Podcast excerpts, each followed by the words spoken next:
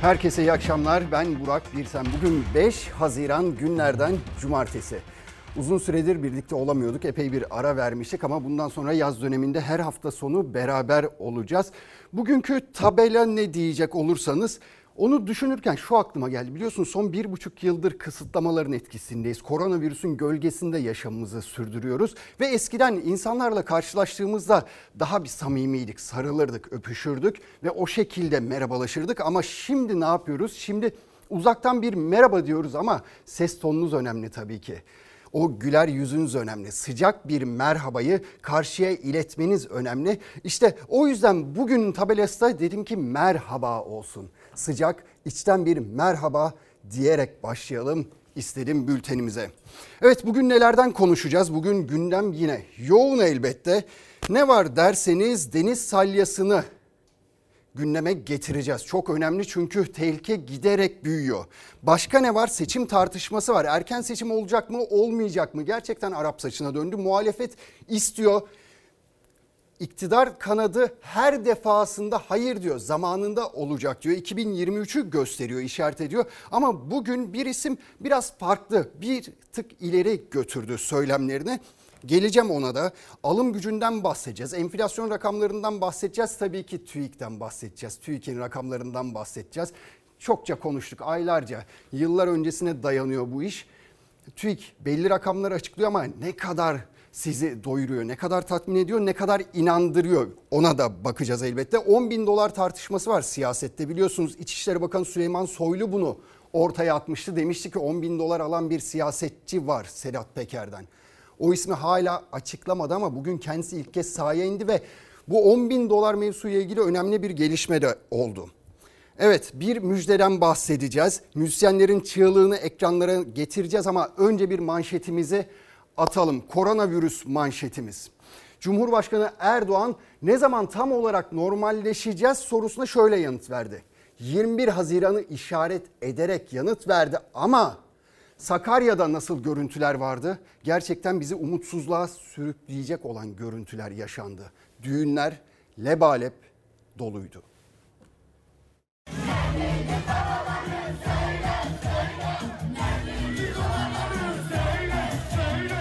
Vaka sayıları düşer düşmez, yasaklar kalkar kalkmaz önlemlerin hiçe sayıldığı bu görüntüler ortaya çıkmaya başladı yine. Vakalar düşse de önlemler hiçe sayılırsa salgın yeniden yayılma tehlikesiyle karşı karşıya. Türkiye'nin 4 Haziran koronavirüs tablosunda vaka sayısı 7000'in altına düşerek 6169 oldu. 94 hasta hayatını kaybetti. Cumhurbaşkanı Erdoğan vakalar düşmeye devam ederse 21 Haziran'da yeni bir normalleşme takvimini açıklayacağını duyurdu. Aşılanma hızlanacak. Bununla birlikte 21 Haziran sonrası yapacağımız toplantıda Sağlık Bakanımız, Bilim Kurulumuz ve ilgili bakanlıklarımızla tedbirleri tekrar gözden geçireceğiz. Temmuz ayı inşallah daha iyi olacak. Ne maske vardı ne de sosyal mesafe. Sakarya'nın Erenler ilçesinde bir düğünden bu görüntüler. 1 Haziran'da önlemlerle başlayacaktı düğünler.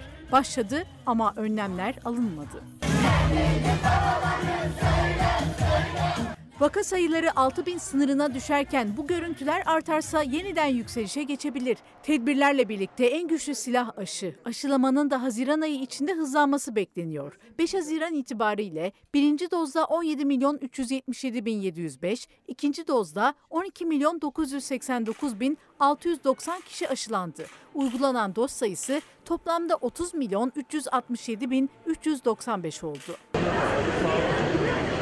Kademeli normalleşme kapsamında kısıtlamasız ilk cumartesiydi. Kısıtlamanın olduğu günlerde sadece turistlerin gelebildiği İstiklal Caddesi dolup taştı. Zaman zaman sosyal mesafeye uymakta zorlaştı. İstanbul İl Sağlık Müdürü Profesör Doktor Kemal Memişoğlu, İstanbul'da koronavirüs salgınının başlangıcından bu yana pozitif vaka oranında en düşük seviyenin dün görüldüğünü açıkladı. Kalabalık görüntülerin olumlu tabloyu terse çevirmemesi için rehavete kapılınmaması konusunda uyardı. Peki bu şekilde gidersek eğer 21 Haziran'da Sayın Cumhurbaşkanı tam anlamıyla normalleşebiliriz diyebilir mi? Bana pek diyebilir gibi gelmiyor. Çünkü bakın akıllanmıyoruz. Hala düğünlerde, derneklerde lebalep tıklım tıklım dolu her taraf. Yani önümüzdeki günlerde işte plajlarda aynı şeyleri göreceğiz. Başka yerlerde, otellerde aynı şeyleri göreceğiz. Ama sadece vatandaşın mı suçu var bunda? Sadece vatandaş mı kabahatli? Hayır, kesinlikle hayır. Yönetenlerin de suçu yok mu? Elbette onların da var. Çünkü söylemleri birbirini tutmuyor ya da söylemleriyle yaptıkları eylemler birbirini tutmuyorlar. Onlar başlattılar aslında bu lebalep işini. Lebalep kongrelerle onlar başlattılar ve vatandaş da belki de kafasında oturtamıyor, güvenemiyor henüz. İşte o güveni sağlamak gerekiyor. Peki bilim kurulu üyesinin çok önemli bir açıklaması var. O açıklama nedir? Sayın Sayın Sayın Bilim Kurulu üyesi Profesör Doktor Levent Akın diyor ki kendisi bir ay içinde 25 milyon doz aşı yapılırsa Temmuz'un ilk haftası eğlence hayatı başlar diyor. Ancak bu şekilde 25 milyon aşı yapılırsa ama gelin görün 1 Haziran'da bakın yeni bir aşılamaya başladık. Ne kadar oldu biliyor musunuz? 5 günde 1 milyon 338 bin aşı yapmışız. Yani ay sonuna kadar biz böyle gidersek eğer 10 milyon civarında bir aşılama yapacağız. Nerede 10 milyon, nerede 25 milyon? İşte umutsuzluk bu yüzden böyle baş gösteriyor. Yani inanamıyor insanlar söylenenlere. Ya bilim insanlarına inanacaksınız ya siyasetçilere inanacaksınız ama bilimden yana kullanmak istiyor insan tercihini. Şimdi bu pandemi döneminde biliyorsunuz 1 Haziran'dan sonra normalleşmeye başladık. En fazla sıkıntıyı kimler çekiyor? Eğlence mekanları. Onlar açılamadı. Bir buçuk yıldır kapalılar. Müzisyenler müziklerini yapamıyorlar. Bir buçuk yıldır evlerine hapsolmuş vaziyetteler. Neler yaşıyorlar, neler çekiyorlar? Kim ilgileniyor onlarla? Pek fazla kimse ilgilenmiyor. Ve bugün bir kadın sanatçı bir parka gitti. Dedi ki siz bize gelemiyorsanız ben size geliyorum dedi ve çığlığın sesi notalarıyla yükseldi. Bazen insan su içerken soğuk bir pınardan Bazen eğilir insan kır çiçeğini koklarken dalından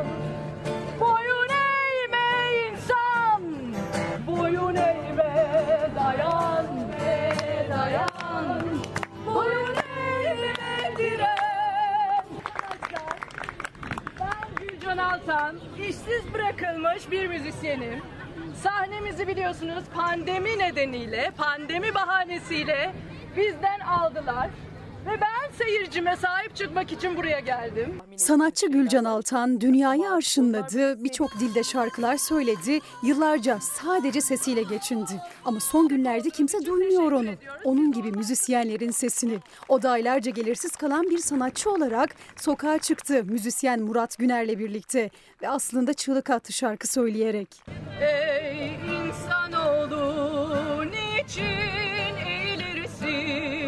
İzleyiciler konsere gidemiyorsa o izleyicilerine gitti. Çevrede bir arada açık havada toplanabilen bu insanlara ya da AVM'ye gidebilen kalabalıklara neden konserlerde açık hava eğlence mekanlarında seslenemediğini de sorgulattı onun bu kısa konseri. Sahne sokakta dedi. Siz olmazsanız biz olmayız. Biz olmazsak sanat olmaz. Desteğiniz için çok teşekkür ediyorum. Ve bütün sanat emekçilerini sahne sokakta diyerek sokaklara çağırıyorum. İnsan, boyun eğme dayan. Alkışlar yükseldi. Eğlencesini salgında kaybedenler. Belki de uzun süre sonra konsere gitmişçesine hep birazdan şarkı söyledi. Çalar Saat hafta sonunda İlker Karagöz'ün konuğu Mustafa Özarslansa enstrüman mezatı oluştu açıklamasıyla gelinen son durumu özetledi. Çok sayıda insan enstrümanlarını gönderdi. Biz bunları mezat gibi yaptık. Bir lira biz yardım almadık. Kardeşim burada. Vergi levhası istendi. Hani zaten günübirlik kazanıp yaşayan insanlar. O kadar iyi müzisyenler var ki şu anda sanayi işlerinde çalışıyorlar. Daha önce civata sıkmamış insanlar biliyorum. 18 yıldır profesyonel müzisyenim. İlk defa sahnesiz kaldım. Geçiyor önümde gül yüzlü bahtiyar Müzisyenler sahnede değil sokakta. Enstrümanlarını satmamak için şarkıları karşılığında önlerine bırakılacak kuruşların hesabıyla geçinmeye çalışıyor. Suçu saç almakmış öğrendiği kadar Bakın bir çıkış arıyorlar. Seslerini duyurmaya çalışıyor müzisyenler ve sanat camiası onlara gerçekten çok ciddi anlamda destek veriyor. Biz de elimizden geldiğince seslerini duyurmaya çalışıyoruz onların ama maalesef yönetenler hala seslerini duymuş değiller. Bir buçuk yıldır bakın insanlar evlerine hapsolmuş durumda. Tüm vatandaşları kapsıyor bu. Herkes belli sıkıntılar çekiyor. Belli sağlık sorunları yaşadılar. Yakınlarını kaybedenler oldu. Hani müzik ruhun gıdasıdır derler ya. İşte o ruhumuzu biraz canlandırmamız, biraz heyecanlandırmamız lazım. Neden acaba işte bu açık hava konserleri düzenlenemiyor? Açık havalarda sinema gösterimi neden yapılamıyor? Yapılabilir aslında. İstedikten sonra her şey yapılabilir ama şu anda biz normalleşmeye başladık, açılmaya başladık diyoruz. Hayır. Ruhumuz hala eve hapsolmuş vaziyette maalesef. Bunu da iyi değerlendirmek lazım. Gerçekten önlem almak gerekiyor. Ruhumuza dokunmanız gerekiyor yönetenler olarak. Şimdi Cumhurbaşkanı Sayın Erdoğan geçtiğimiz haftanın başında bir müjde vereceğim demişti kendisi. O müjde ne olur ne olur herkes düşünüyordu ama benim aklıma gelmişti açıkçası. Hani biraz da düşündüm birkaç kez Google'dan bir şeyler de baktım böyle toparladım. Ondan sonra Cuma günü kendisi açıkladı. Neymiş? Müjdenin adı yine doğalgazmış. Heyecanlıyım. Fatih sondaj gemimiz yine Sakarya gaz sahasındaki Amasra bir kuyusunda 135 milyar metreküplük yeni bir doğal gaz keşfi daha yaptı. Hayırlı olsun. Sayın Erdoğan umut tacirliği yapıyor, hayal satıyor. Matruşka gibi müjde içinden müjde çıkıyor. Diğer yandan vatandaşın doğalgaz faturasına zam üstüne zam yapıyor. Cumhurbaşkanı ilk müjdesinden bir yıl sonra bir kez daha Karadeniz'de doğalgaz rezervi bulunduğunu duyurdu. 2020'de 405 milyar metreküp keşfedildiğini açıklamıştı. Bu kez 135 milyar metreküp dedi Erdoğan. Böylece Karadeniz'deki toplam gaz keşfimiz 540 milyar metrekübe ulaştı. Dedikleri günden bu tarafa doğalgaza yüzde otuz zam geldi. Ama biz gaz çıkarmaya devam ediyoruz. Madem bir şeyler buluyorsunuz o zaman niye bu zamları yapıyorsunuz? Ülkemize ve milletimize hayırlı olmasını diliyorum. Erdoğan hayırlı olsun dedi ama tüketiciler faturaya yansımasının peşinde. Muhalefet de indirim yerine doğalgaza neredeyse her ay düzenli gelen zamlar üzerinden yüklendi iktidara. İlk kez doğalgaz rezervi bulundu açıklamasının yapıldığı günden bugüne kadar doğalgaz faturalarına 25 kez zam yapıldı. 1000 metreküp doğalgaz Avrupa'da 120 dolar, ülkemizde bunun iki katı. Neden? Millet indirim istiyor, indirim. En son Haziran'ın başında konutlarda doğalgaza %1 zam yapıldı. Muhalefet bir yıldaysa toplam 25 kez doğalgaz fiyatlarına zam haberi aldık dedi. Erdoğan'ı gündemi değiştirmekle suçladı. Ekonomik sıkıntıların üzerini perdelemek için gündem değiştirmekten başka bir şey değildir bu. Durmak yok, yola devam. Bu bölgeden yeni müjdeli haberler de bekliyoruz. Önemli olan rezerv bulmak değil, önemli olan bunun çıkarılabilir olup olmadığıdır. Türkiye'nin hazır hakkı olan Akdeniz'de hidrokarbon gazları var. 600 milyar dolar yapar. Başkası alıyor ve kalkmışız müjdeler vererek bu süreci geçirmeye çalışıyoruz. Akaryakıt fiyatları tavan yapmış, döviz fırlamış, faiz yükselmiş ama biz gaz çıkartıyoruz diye sevinelim istiyorlar. Cumhurbaşkanı Erdoğan'ın vereceği en büyük müjde millet önüne sandığı koymak olmalıdır. Şimdi doğalgazı müjde olarak duyurduk. Elbette çok önemli. Devletimiz için, milletimiz için önemli. Önümüzdeki günler için önemli. Emeği geçenlerin eline sağlık demek lazım. Önce onları tebrik etmek lazım, kutlamak lazım. Peki mevcut şartlarda şu günümüzde verilecek başka müjdeler yok muydu? Daha öncelikli müjdeler yok muydu? Mesela ne diye sorarsanız eğer sağlık çalışanları biliyorsunuz bir buçuk yıldır canla başla çalışıyorlar ve tek istedikleri şey ne? Tek istedikleri Covid-19'un meslek hastalığı sayılması. Eğer bu şekilde bir müjde verilseydi daha şık olmaz mıydı? Öbür taraftan ne var? Esnafın durumu var. Ve dar gelirli vatandaşların durumu söz konusu. Onlara bakın bankadan borçlandırma demiyorum.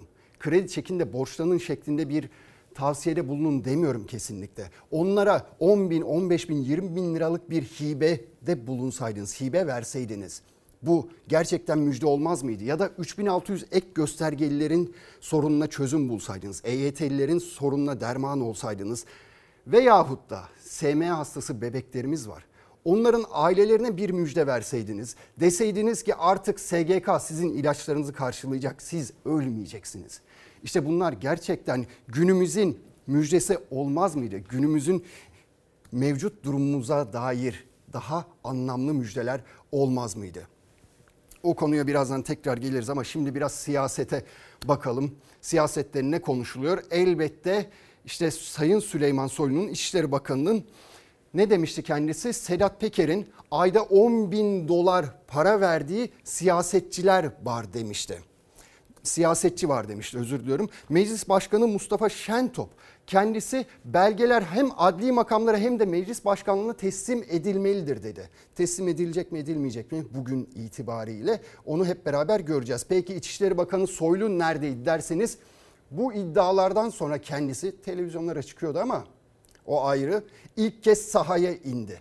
Biliyorsunuz AK Parti içinde kendisine sahip çıkılmadığı yönünde eleştiriler vardı. Kendisine orada gençlik kolları karşıladı ve Soylu sanki o iddialara yanıt verir gibiydi.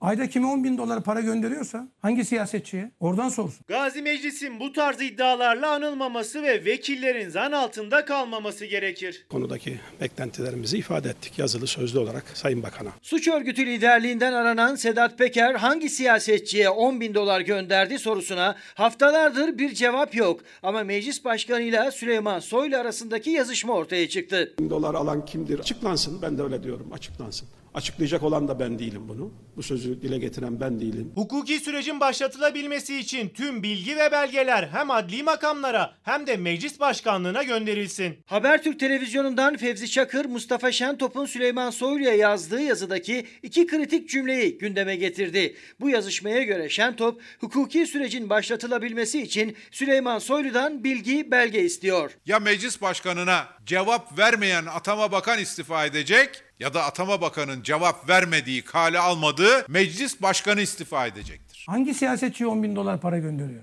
Yanlışlıkla yazdıkları bir yere düşmüş. Soylu 19 Mayıs'ta TRT'de katıldığı programda Peker'den 10 bin dolar maaş alan siyasetçi var dedi ama sonrasında sessizliğe gömüldü. Muhalefet kim o siyasetçi sorusunun peşine düştü. Meclis başkanı da ama hala sis perdesi aralanmadı.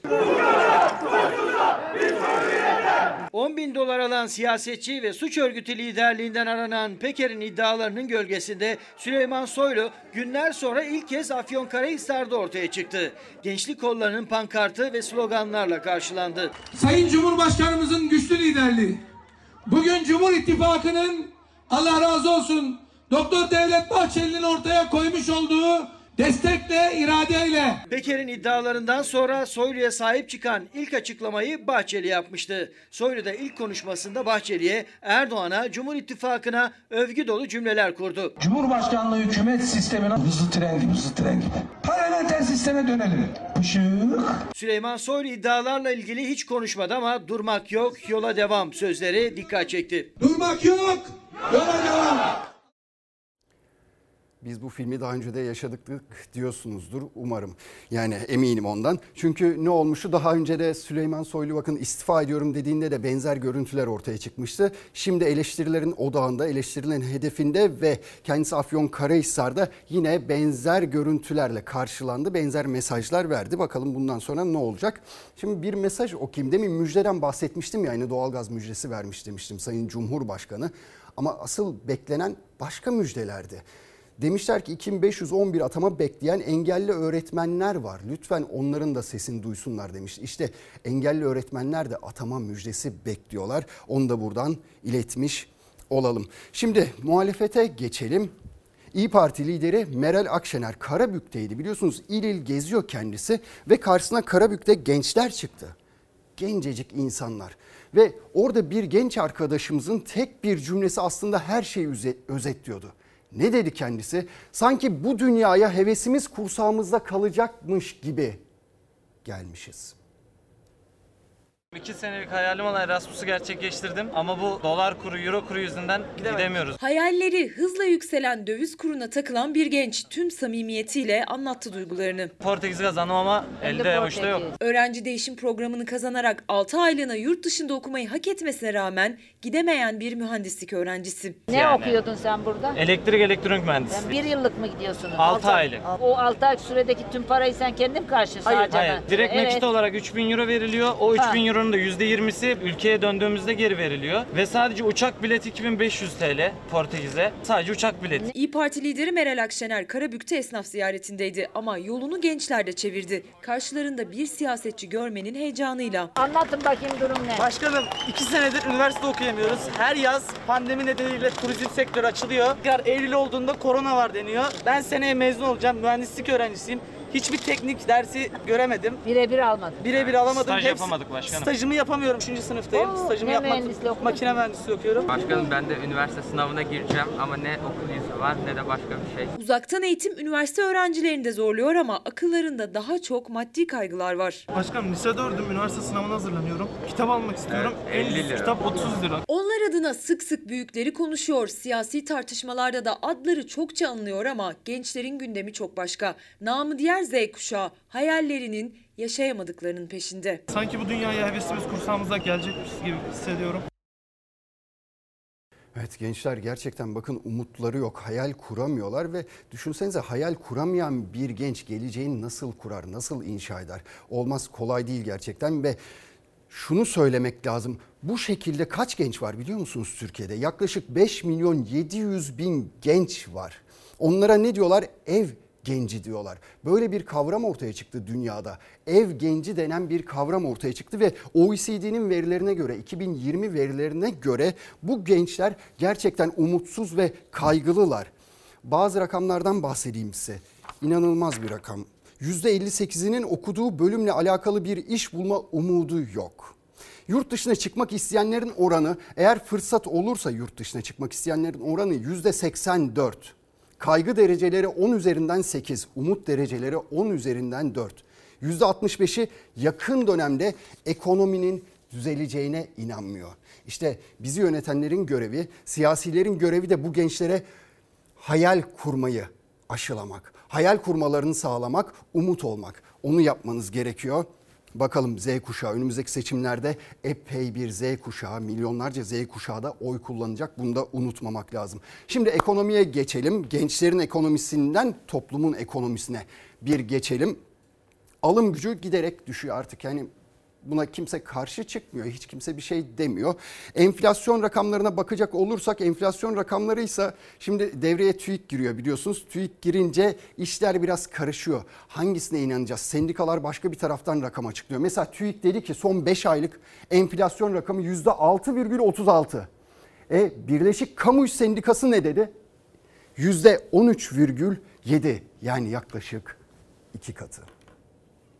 Yapabildiniz mi alışveriş? Yok olay ben bak gördüm boş çıktım. Patates gitmiş 3 milyona yakın yani. Böyle market market gezip fiyat mı Aynen arıyorsunuz? vallahi doğru söylüyorum. Bak sen nasıl anladın benden ya. Market market gezip daha uygun fiyata patates arıyor. 59 yaşındaki emekli Murat Göçer. Meyvenin, sebzenin fiyatı arttı ama Göçer'in maaşı yılbaşından bu yana aynı kaldı. Üstelik aldığı emekli maaşı asgari ücretin bile çok altında. Yalnızca 1900 lira. Patatese bakayım 10 kuş eksik olsa ben gideyim alayım yani ne yapayım. Bu kaçıncı marketiniz fiyat baktığınız? Ya vallahi bu iki. Başka bir markete oraya gideceğim. Her geçen ay asgari ücretle yaşayanların maaşları döviz karşısında erimeye devam ediyor. Ocak ayında asgari ücretli bir çalışanın maaşı 383 dolarken Haziran ayında 320 dolara geriledi. Maaş eridi, alım gücü düştü ama enflasyon artmaya devam etti. Dar gelir grubunun alışveriş yaptığı marketlerde bile fiyatlar el yakıyor. Bu mevsimde fiyatlarının en uygun olması gereken meyveler yaz meyveleri. 10 liranın altında herhangi bir yaz meyvesi yok.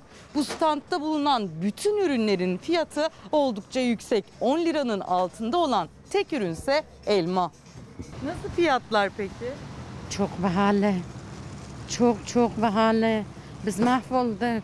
Bir kilo kiraz al 12, 14, 15. Şu anda sezon meyvesi ciddi yüksek fiyatlar. Artık halk ekonomist oldu, geçim derdinde olduğu için çok şükür herkese ekonomiyi öğrettiler. Fiyatlar ciddi yüksek, millet bu asgari ücretle nasıl geçinecek hiç belli değil. Türkiye genelinde yaklaşık 10 milyon çalışanın maaşı asgari ücret üzerinden ödeniyor. Yani yalnızca 2825 lira 90 kuruş. Sendikaların ise geçim hesabına göre bu ücretle açlık sınırında yaşamak dahi mümkün değil. Diskar'ın araştırmasına göre 4 kişilik bir ailenin açlık sınırında yaşamını sürdürebilmesi için maaşının en az 2830 lira olması gerekiyor. Asgari ücretten fazla. Ama salgınla beraber kısa çalışma ödeneğiyle veya ücretsiz izin ödeneğiyle geçinmek zorunda kalan milyonlarca çalışan var. 3 milyon 300 bin çalışan asgari ücretinde altında maaş alıyor. 3 alacağına 2 alıyorsun. 2 alacağına 1 alıyorsun. Biraz kısıtlama fiyatlar arttıkça alım gücün düşüyor. TÜİK'e göre ilk 5 aylık enflasyon %6.39. Birleşik Kamu İş'e göre ilk 5 aylık enflasyon %13.7. Yani resmi rakamların iki katı daha fazla enflasyon. Zaten çarşı pazarda alım gücü düşen tüketici de bu durumu doğruluyor.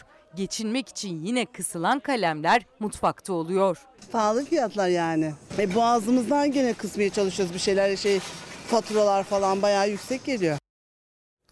Şimdi Haziran ayında memur ve emeklilerin zam oranı belli olacak biliyorsunuz. Merak ediyorum TÜİK'e göre mi zam yapılacak yoksa sendikalara göre mi zam yapılacak? İkisinin arasında dediğim gibi iki kat fark var. ne kadar iyimsersin diyor arkadaşlarımız. Haklısınız. Yani onu daha henüz görmedik ama işte bugün müjdelerden bahsettik ya belki de Özgür şey yapar Sayın Cumhurbaşkanı. Memura ve emekliye müjde deyip iki katı zam verebilir yani o da olabilir. Hani gülmeyin ama olabilir olabilir. Yani umudumuzu yitirmememiz gerekiyor. Şimdi seçim tartışmalarına bir geçelim. Biliyorsunuz artık muhalefetle iktidar arasında süre gelen bir şey bu.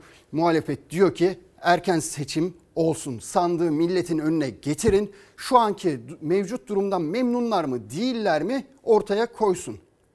E iktidar da diyor ki hayır diyor arkadaş diyor hayır yani her şey yolunda gidiyor ve zamanında yapılacak 2023'te yapılacak. Bugün Ali Babacan şöyle seslendi Sayın Erdoğan'a yavaş yavaş görevden ayrılma zamanı geliyor dedi. 2023'e, 2053'e, 2071'e hazır mıyız? Bir olacak mıyız? Beraber olacak mıyız? Ülkenin gerçeklerini anlayacak durumu yok. Sayın Erdoğan için yavaş yavaş görevinden ayrılma zamanı geliyor. Türkiye'nin menfaati gereği erken seçim şart. Bu şartlarda erken seçim bir zarurettir. Ülkemizin erken seçim diye bir gündemi yoktur. Erken seçim zorlaması kimlerin talebi, hangi karanlık muhaliflerin siparişidir? İktidar 2023'e kadar hiç olmayacak, muhalefet ise yarın olacak gibi seçim istiyor. İktidarın takvimi 2023 ve sonrasına ayarlı. Başta yeni kurulan partiler olmak üzere muhalefet tek ses sandığın kurulmasının peşinde. Türkiye'nin yatırım, istihdam odaklı hamlelerinin somut neticeleri birer birer ortaya çıktıkça 2023 hedeflerinin afaki söylemler olmadığı çok daha iyi anlaşılacaktır. Ben Türkiye'nin menfaati için erken seçim istiyorum. Bu sistem böyle yürümez. Bu rezaletlerin üstü öyle müjde açıklayarak da artık milleti kandırmak imkanı yok. Artık yönetemiyor. Vakitlice yapamadığını bilip görevini yavaş yavaş artık teslim etmeye hazırlanmalı diyorum. Aksi halde bu millet her gün kaybediyor. Yazık. Günah. Diktatörlüktür demokrasiden kaçmak. Seçim en meşru haktır. Biz de istemeye devam edeceğiz. Erken seçimi bir an önce yapın. Bunu da ihanet mihanet deyip de safsaklayıp yorgan altına saklamayın. Erdoğan bir cami avlusundan bir liman açılışından veriyor mesajlarını. Her konuşması 2023'ü işaret ederken ekonomik tablo ve sistem eleştirileriyle gidişat erken seçim diyor muhalefet. Özellikle Cumhur İttifakı ortağı Bahçeli'nin ısrarlı 2023 vurgusuna karşılık da arşivlerle yükleniyor. Önce sabret, sonra seyret. Demokratik hesaba şunun burasında 2 yıl 24 günlük süre vardır. Hesap zamanı geldi. Gelin bu milletin önüne sandığı koyun. Bu millet sizden hesap sormak istiyor. Şimdi küçük ortak demiş ki erken seçim istemek ihanet. 2018'de seçimi kim istedi? 2002'de erken seçimi kim istedi? İhanet miydi onlar? Bahçenin sözlerine bakmayın siz. Şimdi bu yazın içinde de artık bu yükü taşıyamıyoruz. Erken seçime gidilmesi lazım derse Cumhurbaşkanı ne yapabilecek? Esnafın indirdiği kepengine, emeklinin boş buzdolabına, bir yetim hakkına, tam takır mutfaklara, bir garibanın bedduasına yenileceksiniz. Tabii erken seçime gidilir mi gidilmez mi kestirmek güç ama yaşananlara baktığınız zaman hani derler ya tarih tekerrürden ibarettir diye. İşte Sayın Cumhurbaşkanı dedi ki petrol şey gaz bulduk. Şimdi insan bakıyor daha önce neler yaşanmış işte 2003'ten 2017 yılına kadar yaklaşık 30 kez petrol ya da doğal gaz bulmuşuz biz. Ve ne hikmetse birçoğunu ne zaman bulmuşuz? Seçimlerden hemen önce. Mesela bakın 2004 yerel seçimi öncesinde ülkeye 20 yıl yetecek kadar kömür bulmuşuz. 2009 seçimleri öncesine bulmuşuz. 40 yıl yetecek petrolü bulmuşuz. 2018-19 seçimlerinden önce de ne olmuş? Ülkenin çeşitli yerlerinde petrol bulduk diye haberler çıkmış. İşte bunları da bir araya getirince acaba erken seçim gerçekten olabilir mi diyorsunuz. Şimdi çok önemli bir başka tartışma konusu. O da ne diyeceksiniz? Müsilaj, deniz salyası. Marmara'yı tamamen kaplamış, nefessiz bırakmış durumda. Ve tehlike giderek büyüyor. Gerçekten büyüyor ama siyasiler arasında yaşanan tartışma da çok böyle endişe verici. Niye endişe verici? Bambaşka yerlere kaymaya başladı. AK Partili kimdi? AK Partili? Hayır AK Partili İbrahim Bey miydi? İbrahim Aydemir, AK Partili İbrahim Aydemir CHP'yi suçladı. Her şey dedi CHP yönetiminde son iki yılda oldu dedi Marmara Denizi'nde ve meymenetsiz ifadesini kullandı. Cevap tabii ki CHP'den, CHP'li Ali Öztunç'tan geldi. Kendisine ne dedi? Sürmenaj olmuş beyni diye yanıt verdi. Meymenet güzelliği ifade eder. Aksi olursa meymenetsizlik ortaya çıkar. Bu CHP'yi ifade eder. Sayın İbrahim Aydemir aynaya baksın, meymenetsizi görür. Marmara Denizi için büyük tehdit haline gelen müsilaj yani deniz salyası AK Parti CHP hattında meymenetsiz tartışması başlattı. AK Parti Erzurum Milletvekili İbrahim Aydemir müsilajdan 2 yıldır görevde olan İstanbul Büyükşehir Belediyesi'ni sorumlu tuttu. CHP'ye meymenetsiz, uğursuz dedi. Aydemir'e ilk yanıt CHP liderinden geldi. Gülmekten gözlerinden yaş gelen emojiyi de ekleyerek. Hayret sebebi Kılıçdaroğlu'dur dememiş bugünkü talihli partimiz. Meymenetsizlik ve kudümsüzlük yani uğursuzluk bu CHP'yi ifade eder. Marmara Denizi'nde müsilaj var, İbrahim Aydemir'in beyninde sürmenaj var, sürmenaj. Belli ki üstü açık uyumuş, üstü açık. AK Partili vekil Marmara Denizi'ndeki müsilaj salgınını 2 yıl önce AK Parti'nin İstanbul Büyükşehir Belediyesi'ni kaybetmesine bağladı. Aydemir'e yıllardır İstanbul'da yönetimin kimde olduğunu sordu CHP sözcüleri. İstanbul'un dışında Marmara Denizi'ni çevreleyen diğer illerdeki belediyeleri de hatırlatarak Aydemir'e müsilaj benzetmesi de gecikmedi. Marmara'da kirlilik had safhaya varmış, kokudan geçilemez hale gelmiş. 2 yıllık geçen zaman diliminde oldu. Yani AK Parti belediyeyi devrettikten sonra deniz müsilajı gibi e, ortaya çıkan bu vekil Cumhuriyet Halk Partisi'ne bir hakaret etmiştir. Belli ki siz İstanbul'u kaybetmek yüreğinizi acıtmış. Nerede iş başına gelmişler orada bir sevimsiz hal ortaya çıkmış.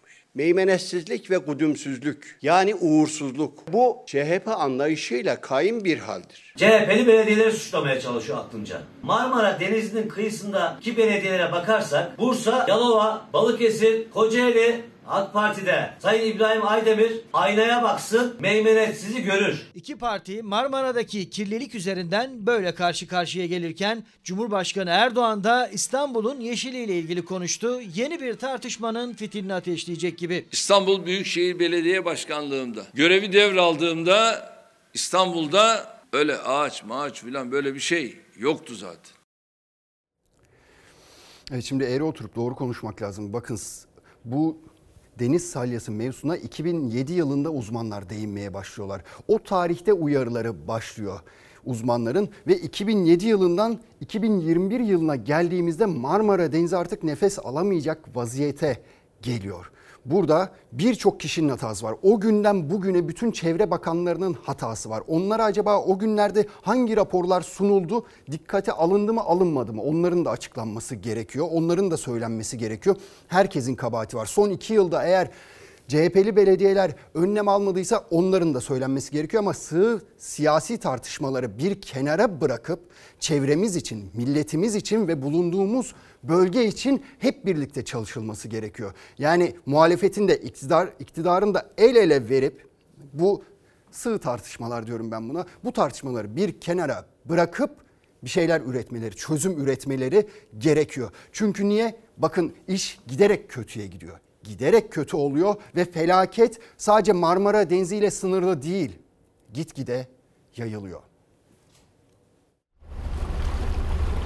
Tehlike gerçekten büyük. Lütfen e, rica ediyoruz. Bu deniz bizim denizimiz, iç denizimiz kirletiyorsak biz kirletiyoruz. Bunun artık e, sebebi biziz. Bunu anlamamız lazım. Marmara Denizi'nde araştırmalar sürerken her gün başka bir kıyı deniz salyasıyla kaplanıyor. Aşağıdaysa durum daha vahim. Sürekli çoğalıyor dipteki salya miktarı ve deniz suyunu jel kıvamına getiriyor. İşte o jel başta balıklar olmak üzere tüm deniz canlılarını öldürüyor. Özellikle solungaçları tıkıyorlar. Lokal olarak birçok yerde balıkların öldüğünü görüyorsunuz dipte. Bu manzaranın en büyük nedenlerinden biri de kirlilik. Çünkü Marmara Denizi'nde hem atıklarımızı hem de çöplerimizi atmak için kullanıyoruz. Ancak Marmara artık bu yükü kaldırmıyor. Atıklarımız derin deşarjla hiçbir arıtmaya tabi olmadan Marmara Denizi'ne akıtılıyor. Ama aynı zamanda biz yine bu denizden çıkan balıkları deniz ürünlerini tüketiyoruz. Yani Marmara Denizi'ni hem mutfağımız hem de çöplüğümüz olarak kullanıyoruz. Merve Hanım bakın İstanbul'da şu anda evinizin yakınından 10 metre yakınından dere geçiyor haberiniz yoktur belki de. Maalesef onlarca derin üzerine örttük ve e, kanalı resmen kanal haline getirip Marmara Denizi'ne bağladık. Bugün daha e, Bursa'daki Nülüfer çayı simsiyah akıyor.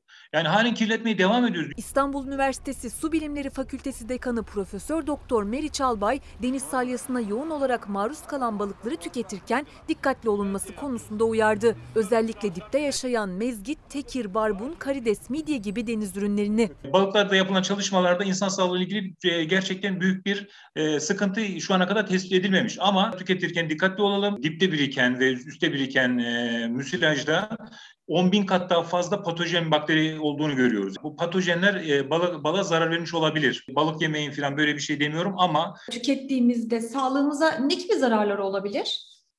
E, büyük ihtimal bağırsak mikroflorasına e, şey yerleşecektir. Vücutta çeşitli tahribatlar yapma şansı var. Deniz salyası balıkçıların ağlarına da zarar veriyor ama asıl Marmara'daki canlı çeşitliliği ve miktarı tehlike altında. Atık yükü hemen azaltılmazsa Marmara Denizi'ni kurtarmak için artık çok geç kalınacak. Çok açık ve net. Önümüzdeki sezon e, ciddi bir balık stoklarında, tutulacak, avlanacak balık e, miktarında büyük bir sıkıntı yaşayacağımızı düşünüyorum. Tabii benim korkum şimdi bu Karadeniz'e yayılır. Karadeniz'den bir de Marmara'ya bunun girdisi olursa bela büyüktür. Deniz salyası Karadeniz ve Ege'yi de tehdit ediyor. Cumhurbaşkanı Erdoğan da dikkat çekti. Marmara'yı kurtaracağız dedi. Başta Marmara olmak üzere bu müsilaj belasından denizlerimizi kurtaracağız. Halic'i nasıl temizlediysek ki daha büyük belaydı.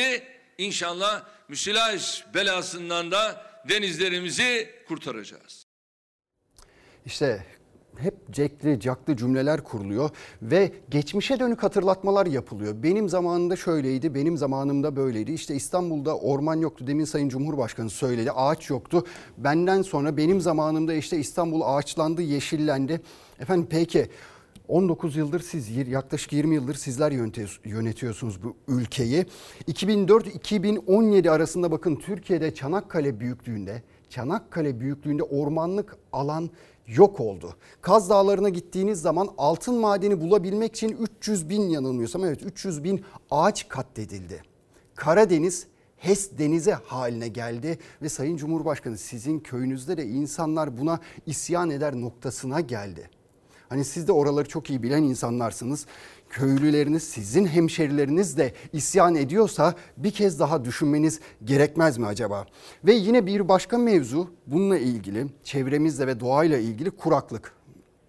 Kuraklık da çok ciddi bir tehlike. Benim hikayemde Nazlı Yere Basmaz bunu işledi. Bir çiftçi arkadaşımız daha doğrusu kendisi fabrikada çalışıyordu ama fabrikasını bıraktı. Memleketine, köyüne gitti. Dedi ki ben çiftçilik yapacağım. Çiftçilik yapacağım dedi ama alnımın terini fabrikaya değil toprağa aktarayım derken bakın başına ne geldi. Toprağımı, köyümü sevdiğim için, hayvancılığı da severek yaptığım için döndüm. Yani şu anda yani pişmanım demeyeyim ama o noktaya geldik artık yani. Alnımın terini fabrikaya değil toprağa akıtayım dedi. Asgari ücretli işini bırakıp genç çiftçi projesine girdi. Yuvasını şehirden köyüne taşıdı. Hayvan sayısını 4 yılda 4 kat büyüttü ama bir kuraklığa yenik düştü. Çünkü ineklerinin yeminin çoğunu tarlasından temin ediyordu. Bu sene ürün susuz kaldı. Murat Gelir dara girdi. Nazilli'de bir fabrikada çalışmaktaydım. Askeri ücretle geçinemediğim için 2017 yılında genç çiftçi projesine başvurarak 10 adet inek hakkı kazandım devletten. Murat Gelir 34 yaşında Aydın Nazilli Mescitli mahallesinde çiftçilik yapıyor. Bir tarlası var onu da kuraklık vurdu. Dekarından 700 kilo aldığı buğday 200 kiloya düştü. Şimdi mısır ekmesi gerek ama ekebilirse. Yerine sılajlık mısır ekmem lazım. Hayvanlarımı ilgi temini için. E, şu anda onu da ekip ekemeyeceğimizin garantisi yok. Ve de e, sılajlık mısır ekemediğim takdirde hayvanları bakma gibi bir lüksüm de yok. Gerçekten de yem almak bir lüks oldu üretici için. Murat Gelir köyüne döndüğünden beri yem fiyatları yerinde durmadı. Başladığımda 42 liraydı yemin çuvalı. Şu anda 142 lira. Son 6 aydan bahsedersek e, her ay farklı alıyorum yemi. Bir aldığım yemi diğer ay aynı paraya aldığımı hatırlamıyorum. Unuttum artık. Her ay zam, her ay zam, her ay zam. Evde şu anda yaklaşık olarak 2 aylık bir sılacım kaldı. İdareli vereyim ben bu evdeki sılacımı desem en fazla 3 ay yetirebilirim. 3 ay sonra bırakacağız hayvancılığı. Yapacak bir şey yok şu an için. Hevesle toprağına dönen genç bir çiftçinin 4 yılda geldiği nokta bu. Şimdi önü toz duman, geleceği belirsiz. Birikmişi dayanağı da yok. Silajını ekemezse, verim alamazsa hiç istemese de toprağını bırakmak zorunda kalacak. Abi ben kendi adıma da konuşmuyorum. Ben ne durumdaysam konum komşu çiftçi arkadaşların hepsi o durumda şu anda. Aynı durumda. Evet aynı durumdayız yani. Evet Gökçe Gökçe Yaşar isimli bir kadın. İstanbul Esenyurt'ta kısıtlama zamanında 2020 yılında oluyor bu arada bu olay bu gelişme. Daha yeni görüntüler ortaya çıkıyor. Kendisi kısıtlama süresi geçtikten sonra yani sokağa çıkılmaması gereken zamanda yolda yürürken evine çok az bir mesafe kala polis tarafından çevriliyor. Yanında kimliği yok. Polis karakola götürmek istiyor kendisini. Genç kadın biraz direniyor ve ondan sonra polisin inanılmaz bir şiddeti başlıyor. Dün gelmişti bu görüntüler ekranlarınıza. Bugün de emniyetten dayak açıklaması geldi. Ama gerçekten enteresan bir açıklama.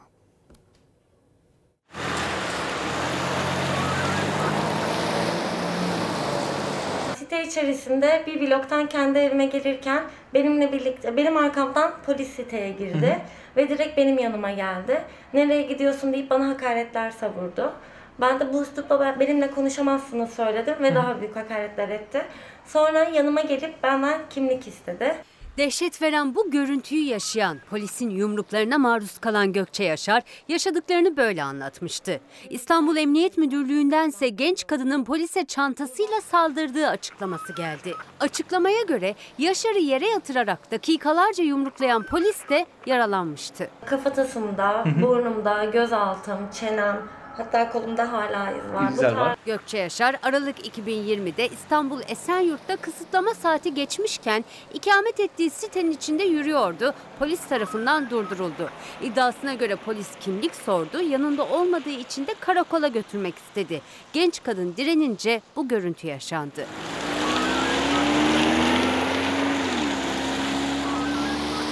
Ben de üstümde şort vardı ve bu şekilde gidemeyeceğimizi söylediğim zaman bana yumruk attı ve ben yere düştüm. Güvenlik kamerası kayıtlarına göre polis Gökçe Yaşar'ın bacaklarının üstüne oturup genç kadını hareket edemez hale getirince dakikalarca defalarca yumrukladı.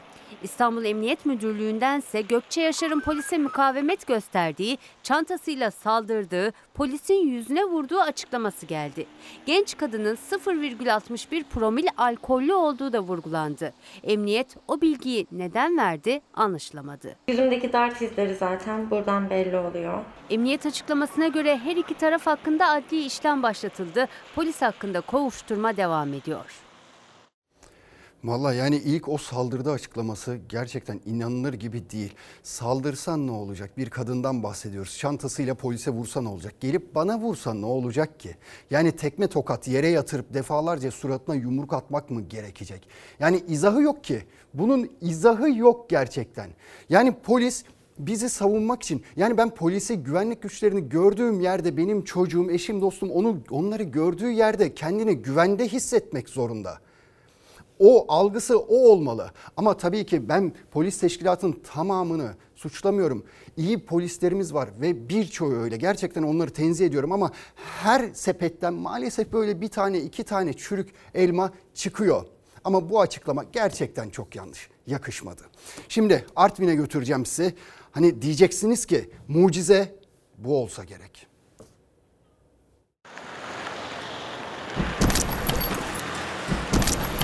Gelen araçlara dikkat etmeden yola fırladı. 2 saniye içinde iki otomobilin çarpmasıyla yaralandı. Mucize kurtuluş kameraya böyle yansıdı.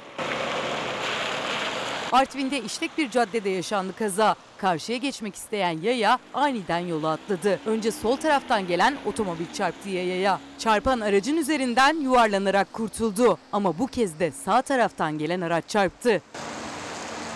Dikkatsiz yayaya 2-3 saniye içinde iki aracın çarptığı kazayı Mobese kameraları görüntüledi. Reklam zamanı.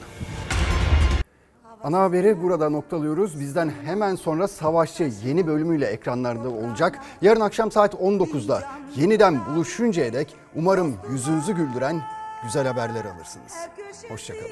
Cennetin ezilir yerler için bir başkadır benim memleketim.